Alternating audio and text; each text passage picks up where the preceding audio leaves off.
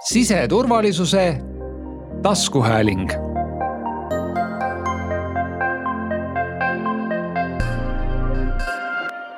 tere taas kuulamast siseturvalisuse taskuhäälingut, kus puudutame teemasid, mis mõjutavad ühel või teisel moel meie inimeste, riigi ja ühiskonna turvalisust. tänane saade saab järjekorranumbriks üheksa ning räägime turvalisusest liikluses ja selle ohutust korraldamisest, sest kiiruse ületamised ja inimkannatanutega õnnetused on Eestis jätkuvalt suur probleem. mina olen saatejuht Teele Seire ja olen siia mõttevahetuseks kaasanud veel kolm inimest. tere tulemast vestlusringi Siseministeeriumi korrakaitse ja kriminaalpoliitika osakonna juhataja Henri Timberg. tere! politsei- ja Piirivalveameti arendusjuht Elari Kasemets. tere! ja samuti Politsei- ja Piirivalveametist liiklusjärelevalve eestvedaja Sirle Loigo. tere! Alustuseks ütlen veel ära, et meie saade on osaliselt ajendatud ka esimesest märtsist rakenduvate seadusmuudatustega, kus ähm, kohalikel omavalitsustel tekib senisest enam võimalusi turvalisuse tagamisse ja liikluse ohutumaks äh, muutmiseks. Pole saladus, et samuti muutuvad osad mõjutustrahvide määrad ja tulevaste liiklusjärelevalve automatiseerimiste kaudu võiks inimkannatanutega liiklusõnnetuste arv ja nende raskusaste lähiaastatel ka väheneda arutleme selle üle, millise kursi Eesti liiklusturvalisusega võtma peaks ning kas senised meetmed annavad meile soovitud tulemuse. võtame ehk siit muudatuste loetelust kohe selle teema, mis ajakirjanduses on palju kajastust saanud, ehk esimesest märtsist kaks tuhat kakskümmend kaks tõusevad osaliselt trahvimäärad. niisiis lubatud sõidukiiruse ületamise korral määratava hoiatustrahvi või mõjutustrahvi arvutamise aluseks seni olev summa on kehtinud rohkem kui kümme aastat selgituseks ka kuulajale toon ehk siia kõrvale, et kasvavad vaid need trahvid, mille fikseerivad automaatsed kiiruskaamerad või mille fikseerib politseinik, kui inimene ületab kiirust kuni kakskümmend kilomeetrit tunnis, teised trahvid ei, ei suurene. trahvide eesmärk siiani on olnud suunata inimesi ikkagi seaduskuulekale käitumisele. no kui mõjus meie senine trahvisüsteem on olnud, miks on trahvimine endiselt kasutusel? trahvimine on ikkagist selline üks osa nagu kogu sellest õigussüsteemist või kuidas, ütleme, meil üldse nagu õiguskord ju töötab, et meil peavad olema mingid reeglid ja peavad olema ka siis ütleme, mingisugused reeglid või tagajärjed, kuidas neid kehtestatud reegleid, liiklusreegleid siis jõustatakse, et see on selles mõttes, et nad on natukene selline loomulik osa. aga kui varasemalt, ütleme tõesti siin kümme aastat tagasi viisteist aastat tagasi oli jah, selline suhtumine, et kõike proovitaksegi niimoodi läbi trahvide võib-olla nagu lahendada ja, ja võib-olla trahvi tõstmise ja just isiku nagu karmima karistamise, siis tänapäeval me aina rohkem ja rohkem me tegelikult vaatame seda asja võimalikult erinevatest tahkudest. trahvimine noh, paratamatult on ja ta jääb üheks osaks tegelikult sellisest liiklusregulatsioonist ja sellest, kuidas me saavutame, proovime saavutada seda, et, et liikluskultuur paraneb, liiklussurmasid, liik-, liiklusvigastusi väheneb. see ei ole kindlasti ainukene lahendus sellele tegelikult see trahvide tõstmine, miks ta nüüd hetkel niimoodi on tulnud, et jah, tõepoolest, et kümme aastat tagasi võeti kasutusele kiiruskaamerad, siis nende puhul me ju tegelikult määrame trahve vastavalt nagu selle koefitsiendiga, et hetkel on see koefitsient kolm, ehk siis iga kilomeeter ületatud kiirust võrdub kolm eurot ja alates esimesest märtsist saab see olema viis et miks seda muuta, et selle kohta on ka tegelikult tehtud siin avalikke uuringuid ja küsitlusi, kus on nii-öelda tegelikult inimesed andnud ka nagu mõista, et see, see hetkel see kiiruskaamerast saadav trahv, mis tegelikult ei ole juriidiliselt käsitletav kui, kui karistus, ta ei lähe karistusregistrisse, sellest kuskile jälge maha ei jää et see, et see trahv iseenesest on ka juba muutunud võib-olla aja jooksul nagu piisavalt selliseks väikseks või ütleme, see summa enam ei ole nagu nii tuntav, ehk siis inimesed on selle kohta ka öelnud, et see on selline interneti või telekaarve maksmine, et maksad ära, on ju, ja siis nagu rohkem ei ole. ja eks neid asju nagu tulebki üle vaadata, sealhulgas ka neid nagu rahalisi karistusi. ega riigi eesmärk ei ole ega saa olla niisama inimestelt lihtsalt raha kokkukorjamine teades, et sellel ei ole mitte mingit sisulist mõju. see tegelikult, see ei ole ka okei okay., et kui ikkagist äh, keegi on midagi rikkunud ja sellele järgneb mingisugune tagajärg, mingi karistus, et see peab olema ka tegelikult on ju mõjus ehk siis see eesmärk ei tohiks olla riigikassa täitmine, vaid just see, et, et meil juhtuks vähem õnnetusi. et see nii-öelda, see tagajärg tõesti mõjutaks seda inimest ja ta tulevikus ei ületaks enam kiirust. no kohalikele omavalitsustele tekib nüüd ka õigus paigaldada oma territooriumile liiklusjärelevalve seadmeid. lisaks kiiruskaamerate paigaldamisele saaksid KOV-id nendega fikseeritud rikkumise eest ka laekunud hoiatustrahvidest viiskümmend protsenti oma eelarvesse eelmisel aastal fikseeriti teisaldavate kaameratega kaks kolmandikku rikkumisi just linnades ja uuringud näitavad ka, et inimkannatajatega õnnetusi juhtub KOV teedel ütlemata palju. siiani on kiiruskaamerad paigaldatud vaid riigiteedele, kas nii? Ma tahaks tegelikult veel öelda selle eelmise Henri jutu jätkuks, tõstetakse ikkagi trahvimäära, et see ei ole mingi maks, mida tõstetakse. see ei ole nüüd kõikidele inimestele kohustuslik, kui sa jätad kiiruse ületamata, siis ei puuduta see sind absoluutselt kõige vähematki. mis nii-öelda järelevalves on tegelikult kõige olulisem ja mis seondub ka sellesama koopide kaamera, on ikkagi see, et see karistus on võimalik nii-öelda vältimatu. trahv võib olla väga väike, see võib olla kasvõi üks euro tegelikult. aga iga kord, kui sa võtad telefoni välja ja seal rooli taga seda näpid ja läheks arve pealt üks üks euro maha, siis juba viiendal korral hakkaks võib-olla juba mõtlema, et kas ikkagi võtan, on ju, ja sellepärast ongi hästi oluline automaatne järelevalve. kui me vaatame tervet maailma, kuhu liiklusjärelevalve suundub, siis täpselt samamoodi nii ka Eestis, et see automaatne järelevalve on ikkagi tulevik. et kõik selle, mille saab tulevikus ära teha masin, võiks ära teha masin ja seda, mida masin teha ei saa, et seda jääb tegema inimene. näiteks joobekontrolle me ei saa teha ikkagi ja, ja sellised suuremad ohtlikud rikkumised, mis nõuavad vahetut sekkumist, et see võiks jääda ikkagi kõik selle nii-öelda nagu mehitatud ja selle päris politseiniku päris maks no sa ütlesid, et liiklusjärelevalve suund tulevikus võiks olla võimalikult automatiseeritud. teame, täna me saame fikseerida sõidukiiruse ületamist ja fooriturede eiramist. kas lähitulevikus on võimalik midagi veel rakendada? no me ikkagi äh, loodame, et äh, PPA on võtnud ka suuna sinnapoole, et leida võimalusi rohkem selle järelevalve automatiseerimiseks. me täna nii-öelda tegeleme ja mõtleme selles suunas. noh, ma ei oska täna veel öelda, et kui kaugele ja kui kiiresti me selle automatiseerimisega jõuame. aga kindlasti peaks sinna lisanduma ka muid asju kui kiiruse ületamine. kiiruse ületamine on, noh, miks me, miks on ka üldse pandud rõhk praegu Eestis ainult eelkõige sellele kiiruse ületamisele, sest tegelikult see on see asi, mida kõige rohkem rikutakse. ja see on ka väga oluline komponent, et liiklusõnnetused juhtuvad tegelikult väga erinevatel põhjustel, äh, väga erinevatel halbade asjaolude kokkulangemisel, aga see, kui rasked saavad olema selle liiklusõnnetuse tagajärjed, sõltub sisuliselt ainult kiirusest. võib ju kümme kilomeetrit tunnis ka purjus peaga kraavi sõita, midagi olulist ei juhtu. Need vigastused hakkavad tulema, mida suurem on nagu kiirus. ja sellepärast on praegust ka pandud eelkõige rõhk sellele, et äh, meil langeksid kiiruse ületamised, kuna see on nii-öelda see kõige olulisem ja sinna kõrvale siis ka kõik muud asjad, seesama kõrvalised tegevused, turvavarustus, seda tegelikult annaks ka automatiseerida. Erari oskab sel teemal kindlasti paremini rääkida, tehnika vaates see tegelikult ei ole mingisugune tuumateadus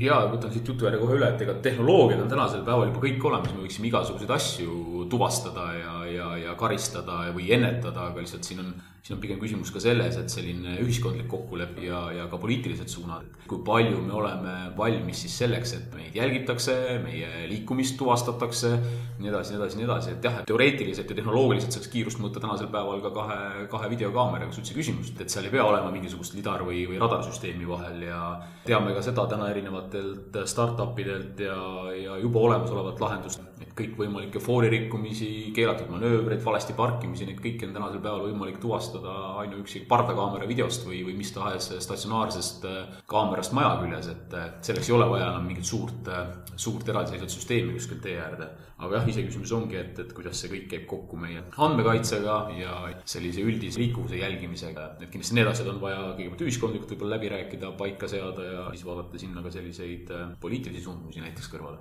ma arvan, et siin on kindlasti võib-olla ühe asjana veel juurde toodud see usaldus ka, et tegelikult Elaril on nagu õigus, kõik see tehnoloogia on tegelikult ammu juba olemas. tehnoloogiaga suudetakse täna väga palju asju nagu väga lihtsalt ära teha. aga kui riik hakkab mingit süsteemi üle võtma ja ka ta kasutab seda eriti veel eesmärgil, võib-olla kas siis karistada või toob kellelegi negatiivseid tagajärgi, siis see süsteem peab olema ikkagist, no ikkagist noh, võimalikult sada protsenti usaldusväärne. ei saa olla niimoodi, et oh, ehk on siin tarkvaras veel mingid vead sees, ehk ei, see ikkagist ei tööta või mingid noh, mis iganes probleemid, see ei saa nii olla. see on võib-olla ka üks nagu selline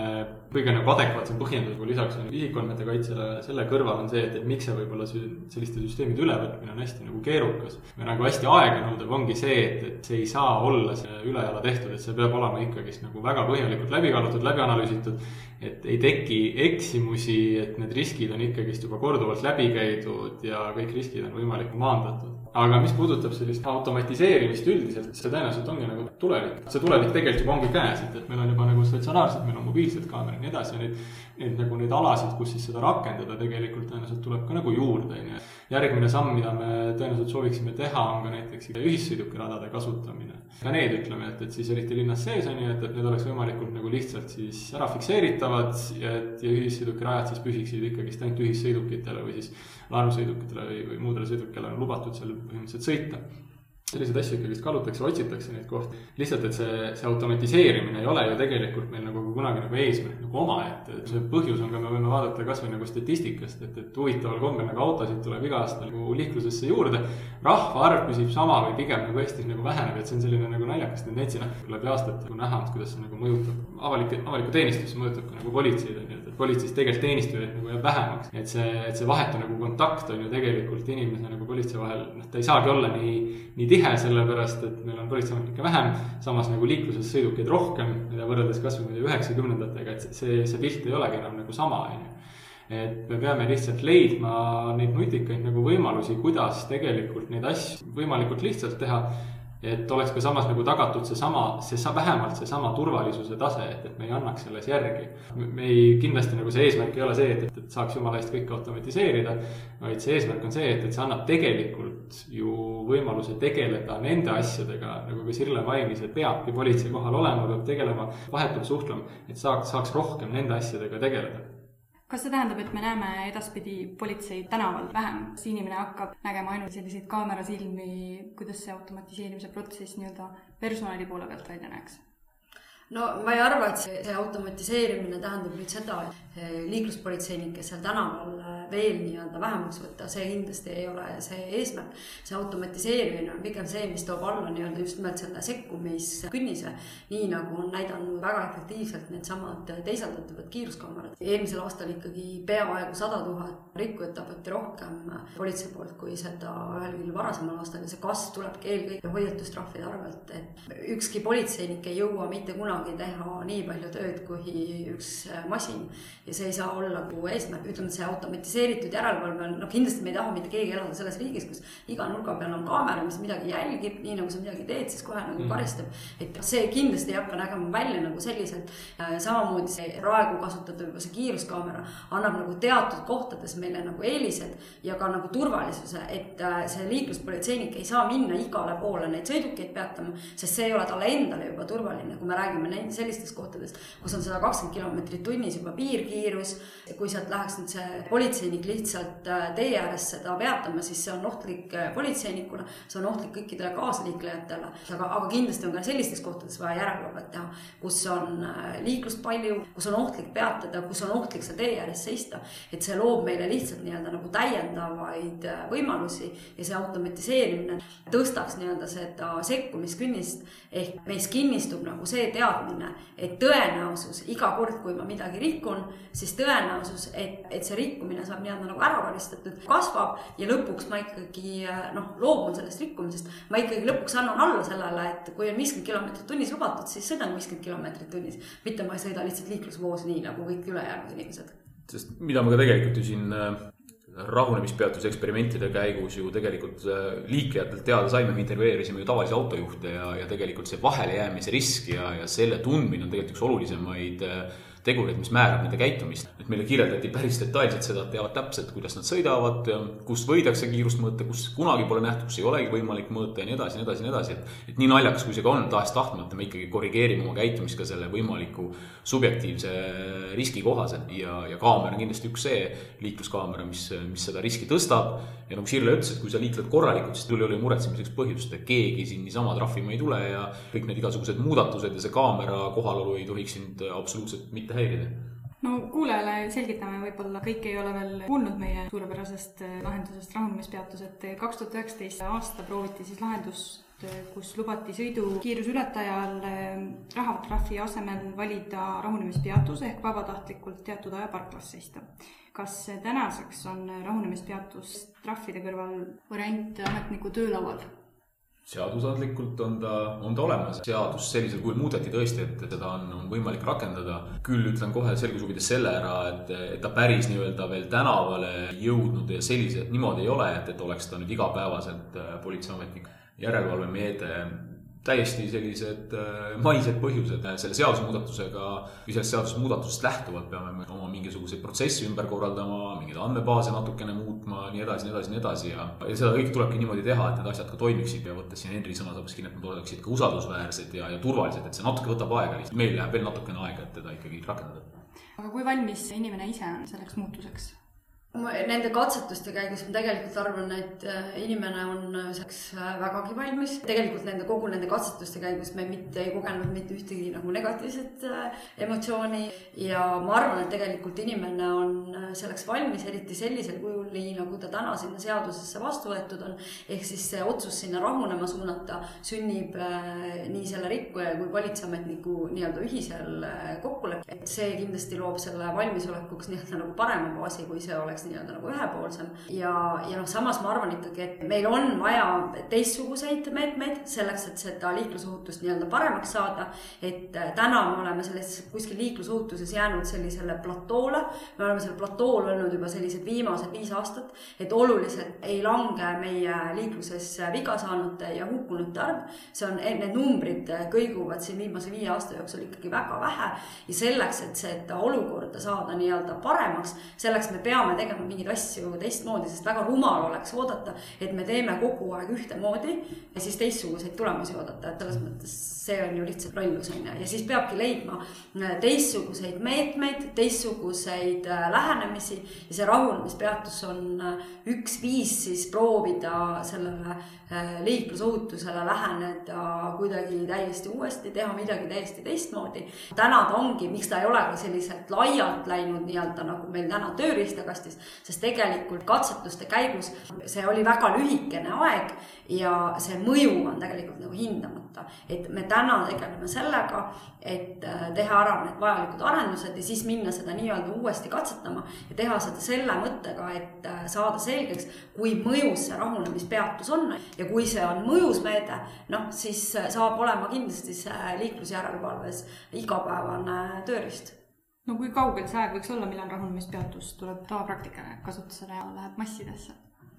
no keeruline on öelda, et see sõltub ikkagi sellest, et äh, kui mõjusaks see, see saab olema, et äh, me hakkame uusi äh, katsetusi tegema selle aasta kevadel, kuskil siin kevade teises pooles ilmselt me jõuame sinna, kus me hakkame seda uuesti tänavatel katsetama ja siis selgub, kui see on mõjus kui see tõesti nii-öelda aitab sellele kaasa, et inimestel on liiklust ei riku, siis,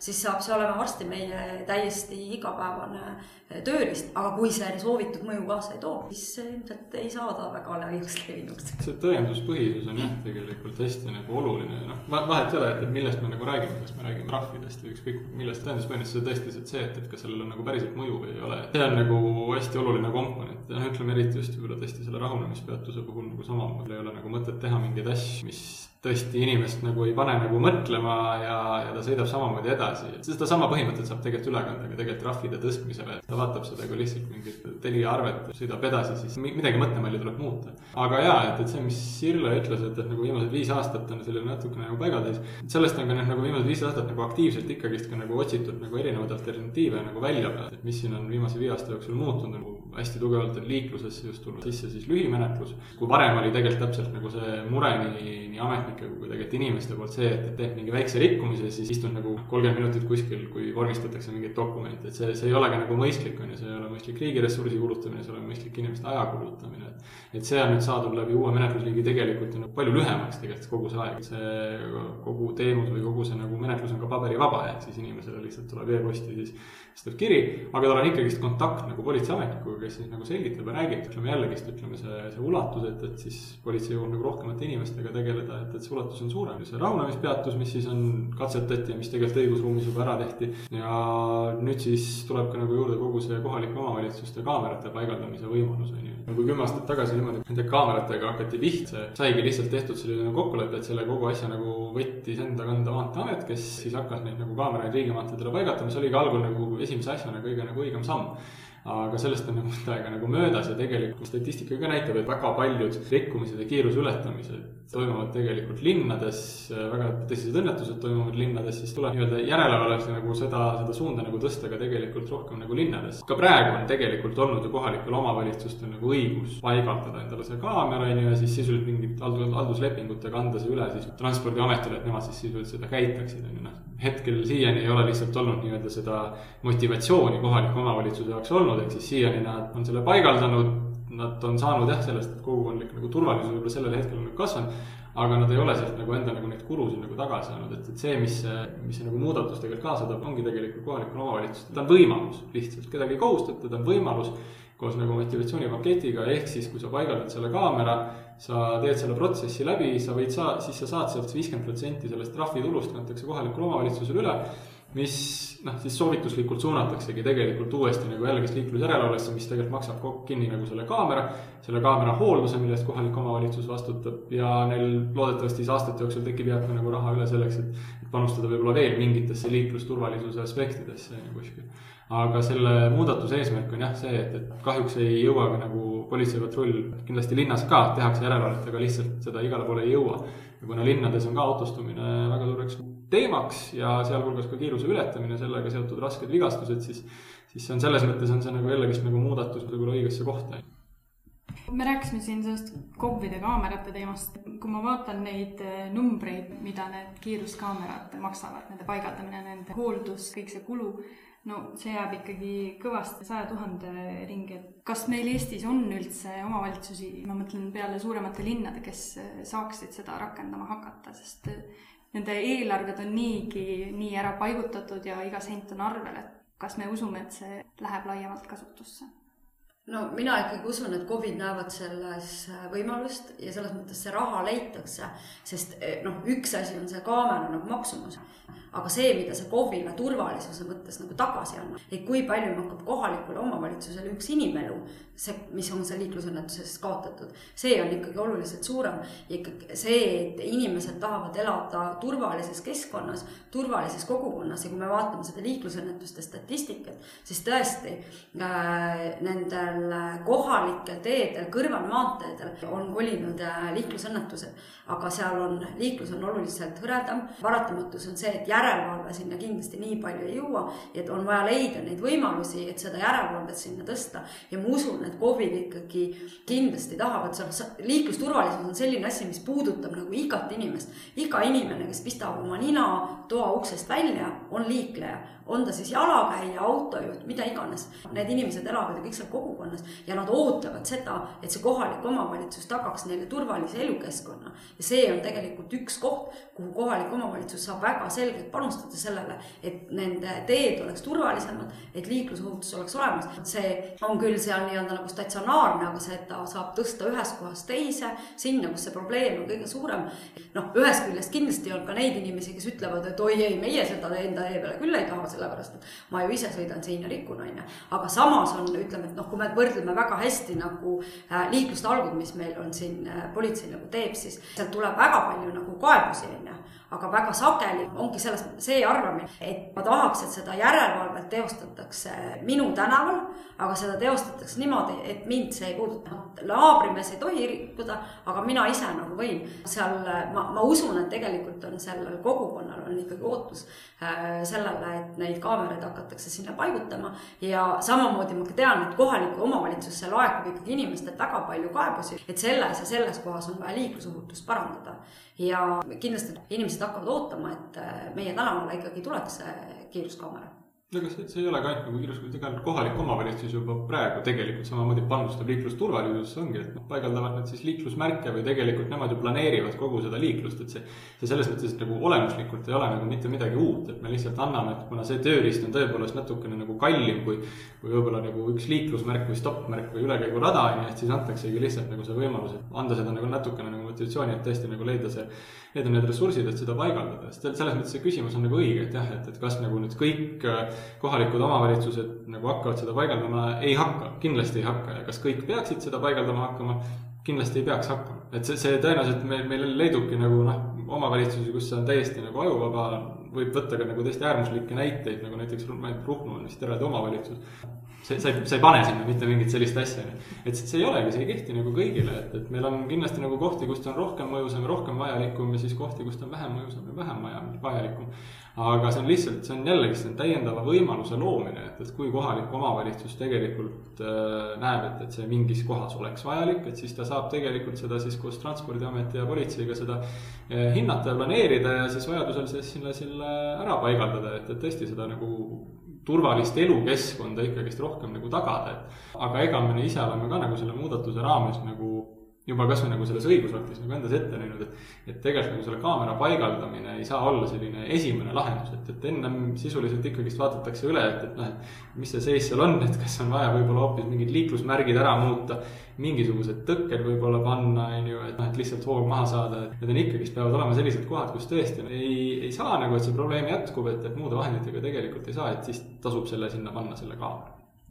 no Transpordiamet on enda tellitud uuringus ka välja toonud selle, et pärast kiiruskaamerate rakendamist vähenes teatud kohtades siis inimkannatanutega liiklusõnnetuste arv vähemalt kolmteist protsenti ja me võime selgelt öelda, et mida suurem on kiirus, seda rohkem on kannatanuid ja seda raskemad on need vigastused. kas automaatsed kiiruskaamerad ja rahunemispeatus võiksid koos olla need vahendid, millega me suudame siis selle liikluse turvalisemaks muuta? Võiksid, võib-olla isegi peaksid, aga, aga täpselt nagu Henri ütleski, et, et siin ongi oluline nagu mõelda sellele, et see, see, see liiklusturvalisus on selline tervik, et, et jah, ühest küljest ongi, seal on äh, sellised võib-olla mõjusamad trahvid, teisest küljest ongi konkreetsed mingisugused tehnilised lahendused, kolmandalt poolt tulebki juurde ka see kogu see infrastruktuuri ehitamine ja see pool, mis, mis seda liikluskeskkonna turvaliseks mõõdab, et muudab, et et tegelikult me selle edu me saavutame siis, kui kõik need komponendid on olemas ja nad töötavad ja ta on, moodustavad nagu ühtse terviku, et, et et, et, et noh, ei saagi eraldi välja tuua seda, et vot nüüd trahvimäärad muutuvad, lähevad, äh, tõst-, lähevad kõrgemaks, et vot nüüd läbi selle ainult me saavutame mingi olulise mõju, et, et, et see ongi see mõte, mis ei tohi kõlama jääda. vaid tegelikult see on lihtsalt üks meede. see on täpselt sama nagu, nagu Covidi vastane võitlus, et, et mask, desinfitseerimine, mingisugused täiendavad piirangud, et ükski neist eraldiseisvalt ei ole võib-olla see võluvits, aga tervikuna nad, nad mingisugust mõju nagu avaldavad aga mis puudutab nüüd rahunemispeatust, kiiruskaamerat, siis äh, selle peale me nüüd mõtleme ja mõtleme tegelikult väga aktiivselt just selles vaates, et äh, rahune-, rahunemispeatus kaks punkt null on üks uus projekt, millega on nüüd seotud nii politsei, siseministeerium, äh, transpordiamet, majandus-kommunikatsiooniministeerium, ka TalTechist on meil inimesed abis. Et just vaatamegi seda, et kas see rahunemispeatus, et ühest küljest ja nagu me ennem rääkisime, et me mõõdame seda mõju, vaatame seda ja siis teisest küljest juba mõtleme ette nii palju, et kas, kas see võiks olla midagi sellist, mis on ka osaks äh, automaatsest järelevalvest tulevikus, kas ta saaks osaks olla, et millisel kujul me võiks teda seal rakendada, et vaatame, missugused tehnoloogiad meil olemas on. ja, ja siis võtame puhtalt selle rakendusliku poole nagu sinna kõrvale ja, ja vaatame, kas me leiame seal mingisugust sellist head ühisosa, et jah, mõtleme selles osas no kui palju me selliste uute lahendustega poliitika taha takerdume, et kui palju seda lobitööd peab tegema, et selliseid uusi lahendusi läbi suruda? Sõltub, eks Henri teab seda oma töölaua järgi võib-olla paremini, aga kindlasti on see, et kui on selline mõjus äh, ja efektiivne meede, siis tegelikult äh, ma arvan, et sellele reageeritakse väga kiiresti positiivselt. noh, see rahunemispeatus on üks näide, mis ju tegelikult äh, jõudis ju seadusandlusesse, vähemalt oma arvamuse põhjal öelda, et hästi kiiresti. noh, tegelikult oleks ta arvatavasti võib-olla veel varem jõudnud lihtsalt, et, et see Covidi esimene laine ja kõik sellised asjad tulid peale, mis võib-olla seda menetluskäiku ja kõike seda nagu muutsid. aga tegelikult ta ju rakendus kiiresti ja ja, ja seal oli toetus olemas nii, nii nagu ühiskondlikult kui ka nagu poliitiliselt. endise liikluspolitseijuhina minu muidugi suur ootus on see, et kui ühel hetkel nüüd oleks meil tõesti olemas ka veapunktisüsteem, mis nagu omakorda oleks, oleks selline järjekordne täiendav samm edasi selle liiklusturvalisuse osas, et ka sellised väikesed rikkumised nii-öelda siis kogumina annaksid kokku nii-öelda ühe suure ja, ja mõjutaks läbi selle autojuhtide siis või üldse liiklejate käitumist noh, oluline on see, et mida rohkem on meil erinevaid nagu mõjutusmeetmeid seal tööriistakastis, seda efektiivsemad me oleme. sest ilmselgelt on see, et kui meil oleks olemas selline üks võluvits, mis nagu kõikidele toimib, noh siis me ei istuks täna siin, me üldse ei arutaks mingi liiklusturvalisuse üle ja meil oleks siin kõik oleks väga hästi, meil oleks null liiklusõnnetust. et aga seda võluvitsa ei ole ju olemas, on ju. ja siis ongi see, et mida rohkem on meil erinevaid võimalusi inimest mõjutada, sest erinevatele inimestele mõjutavad erinevad meetmed. ühele inimesele inimesele paigutab selles, et politsei auto aknast näppu viigutab ja ta enam ei riku. teisel inimesel on vaja ikkagi noh, juba teda on vaja ühiskonnast ära isoleerida mõneks ajaks selleks, et ta aru saaks, et ta, tema käitumine ei sobi liiklusesse. ja mida rohkem neid võimalusi on, seda edukamad me tegelikult äh, oleme. no kui pädevad me oleme ära tundma, mis nüüd, milline meede kellele mõjub ega niisama ei tunnegi, selle jaoks ongi vaja minna välja katsetada ja, ja siin juba korduvalt kõlanud, et mõõta, mõõta ja, ja siis selle, selle mõjupõhisuse pealt teha neid, neid järeldusi, et, et mida ja kuidas peaks rakendama, kus rakendama ja nii edasi, et, et, et teatud liiklejatele mõjub ka ainuüksi mingisugune meeldetuletus, selline sõbralik hoiatus tee ääres, mida me ka ju paralleelselt tegelikult rahunemispeatusega testisime Viimsis, kus me kus me andsimegi autojuhile teada, et jah, me usaldame, et sa sõidad siin äh, selle kiirusega, mis siin on kehtestatud ja sa ei riku ja, ja pärast selle konkreetse äh, teelõigu lõpus me, me ka tänasime, et, et aitäh, et me saime sind usaldada ja, ja ka seal me mõõtsime seda, seda keskmist sõidukiirust enne ja pärast nende märkide paigaldamist ja isegi meile üllatusena see mõju oli ikkagi päris, päris, päris korralik. Et täpselt nagu Sirle ütles, et äh, mingi asi kuskil toimib, mõjub, kuskil ei, siis seal on vaja midagi muud, aga ega ilma katsetamiseta me nagu seda teada ei saa et me jõuaks sinnani, et meil on neid tööriistu nii palju, et me saame igal võimalusel siis täita seda riigikassat kuidagi, et nii KOV-id, nii meie enda politseil on neid vahendeid valikus väga palju, et kuidas me jõuame sinnamaani, et inimeste käitumine või, või mõtlemine eelkõige muutub, et me ei peaks neid vahendeid looma tohutult palju ja siis tegelema nii-öelda nende tagajärgedega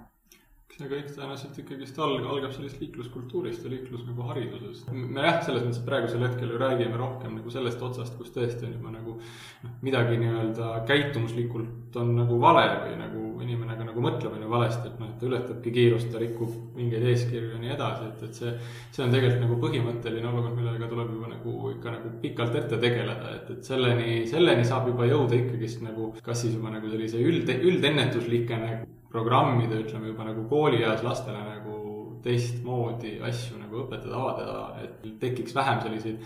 riskikäitumuslikke nagu teguviise. kindlasti on väga suur roll sellel ka mängida siis autokoolidel, et, et kuidas seal õpetajate jaoks käitutakse. aga, aga teisest küljest see, see, mis nagu inimesi ju käituma mingil viisil nagu paneb, on ikkagist noh, me vaatame ju ka liikluses, kuidas nagu teised käituvad, on ju, et, et see on selline paratamatus, et, et kui sa sõidad Tartus ja näed, et Tartus inimesed sõidavad mõnusalt, on ju neljakümne, nelikümmend kilomeetrit tunnis viiekümne alas on ju, et sa sõidad ka tegelikult neljakümnega, et sul ei ole mitte mingit probleemi. sa sõidad, on ju, vahepeal siin Tallinn, Tallinnas nagu tipptundide ajal on ju ja kuidagi nagu noh, ongi selline liiklusvool läheb juba kuuekümne peale. noh, enamus tegelikult ju nagu pidurit ei vajuta, vaid sa lähed selle liiklusvooga nagu kaasa, on ju, et see tuleb nagu mõlemast otsast tegeleda, et, et tulebki tegelikult nii-öelda juba ennetuslikult võib-olla sellist riskikäitumuslikku tegureid nagu mõjutada, aga samas ka ütleme, tuleb mõjutada ka seda, et, et kuidas inimesed nagu igapäevaselt nagu liiklevad. et see, üks mõju sellele kindlasti ongi see, et, et kui me suudame nagu saada selliseid nagu teguviise vähemaks liikluses, siis iga kord, kui sina võtad liikluses hoo maha ja sõidad, ütleme siis seal ikkagist viiekümnega või isegi alla viiekümne, et see mõjutab ju tegelikult ka nagu teisi, see on jällegi see, et me peame ise natukene nagu rohkem mõtestama, et, et kuidas meie tegevus kõike mõjutab ja seesama, me ei räägi siin sellest tööriistakasti vaates ka ainult reaalsetest sellistest järelevalvemeetmetest ja, ja lahendustest, vaid tegelikult me vaatame, kasvõi sellesama rahunemispeatuse käigus me tegime koostööd käitumisteadlastega just ka sellepärast, et saamaks siis aru, et mida siis tegelikult inimesed mõtlevad ka, ka ja saamaks natuke seda tõlgendust ka sellele, mida nad meil intervjuu raames ütlesid, et, et miks siis? Henri jutt täiesti õige, inimesed tõidki meile tegelikult oma intervjuudes ju välja, et et see kiiruse ületamine selline ongi pigem nagu selline sotsiaalne norm, mitte selline teadlik rikkumine. vot täpselt, et kogu liiklusvoog ju sõidab, aga selle jaoks, et äh, miks ta nii sõidab, siis seal ongi vaja natuke vaadata seda teise nurga alt ka, et aga miks nad siis sõidavad, miks nad ületavad, miks me peame seda selliseks äh, sotsiaalseks normiks, eks. miks ta on kujunenud sotsiaalseks normiks. ja, ja see pool on samamoodi oluline, et inimest saab mõjutada igatepidi, et, et ongi, et üks pool on see reaalne järelevalve, teine pool võib olla meie infrastruktuuri äh, areng selline, kus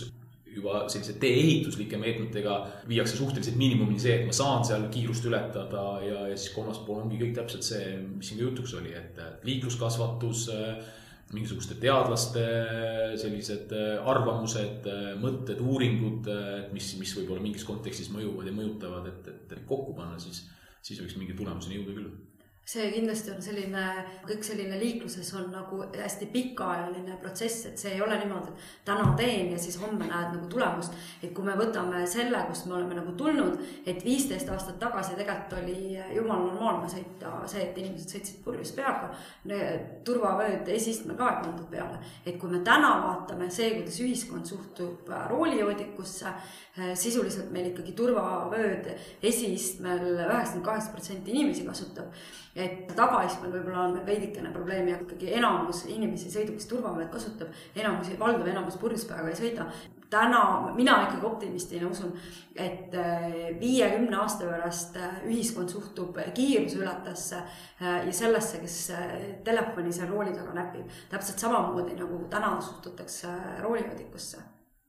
no ma toon siia ühe näite ka, kuidas äh, iga kilomeeter loeb, et kui asulas sõita viiekümnese tunnikiiruse asemel kuuskümmend kilomeetrit tunnis, võib sõidukiiruse vahe tunduda juhile suhteliselt väike, kuid kokkupõrkel jalakäija kasvab äh, jalakäija hukkumise tõenäosus neljakümnelt protsendilt seitsmekümnele see on äh, kohutav vahe ja kui me läheme siin kiirustega veel suuremaks maantee peale, siis on ikkagi päris hirmus mõelda, et inimesed kas ei taha või nad ei, ei oska sellele mõelda, et, et nende kiiruse valimisel on nii hullud tagajärjed. Ei oska mõelda ja teine küsimus ongi see, et panna sinna kõrvale veel ka see saadav võimalik võit, eks, et noh, kui ma sõidan Tartust Tallinnasse, kas ma sõidan üheksakümmend kilomeetrit tunnis või ma sõidan sada kilomeetrit tunnis, sada kümme kilomeetrit tunnis,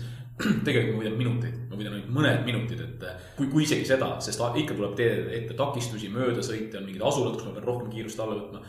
Tegelikult see võit on imeväike, linnatingimustest noh, ei ole üldse mõtet rääkida, et seda ma olen ju, ma arvan, kõik näevad seda pidevalt, kes autoroolis istuvad, et, et keegi, kes kuskil hästi palju kiirendab, sõidab ette, vahetab ridu pidevalt, siis noh, nelja-viie foori tsükli pärast me oleme ikka kuskil kõrvuti. või noh, heal juhul ta jõuab selle foori taha viis sekundit varem, et, et. kohtuvad ikka. et kohtuvad ikka, et,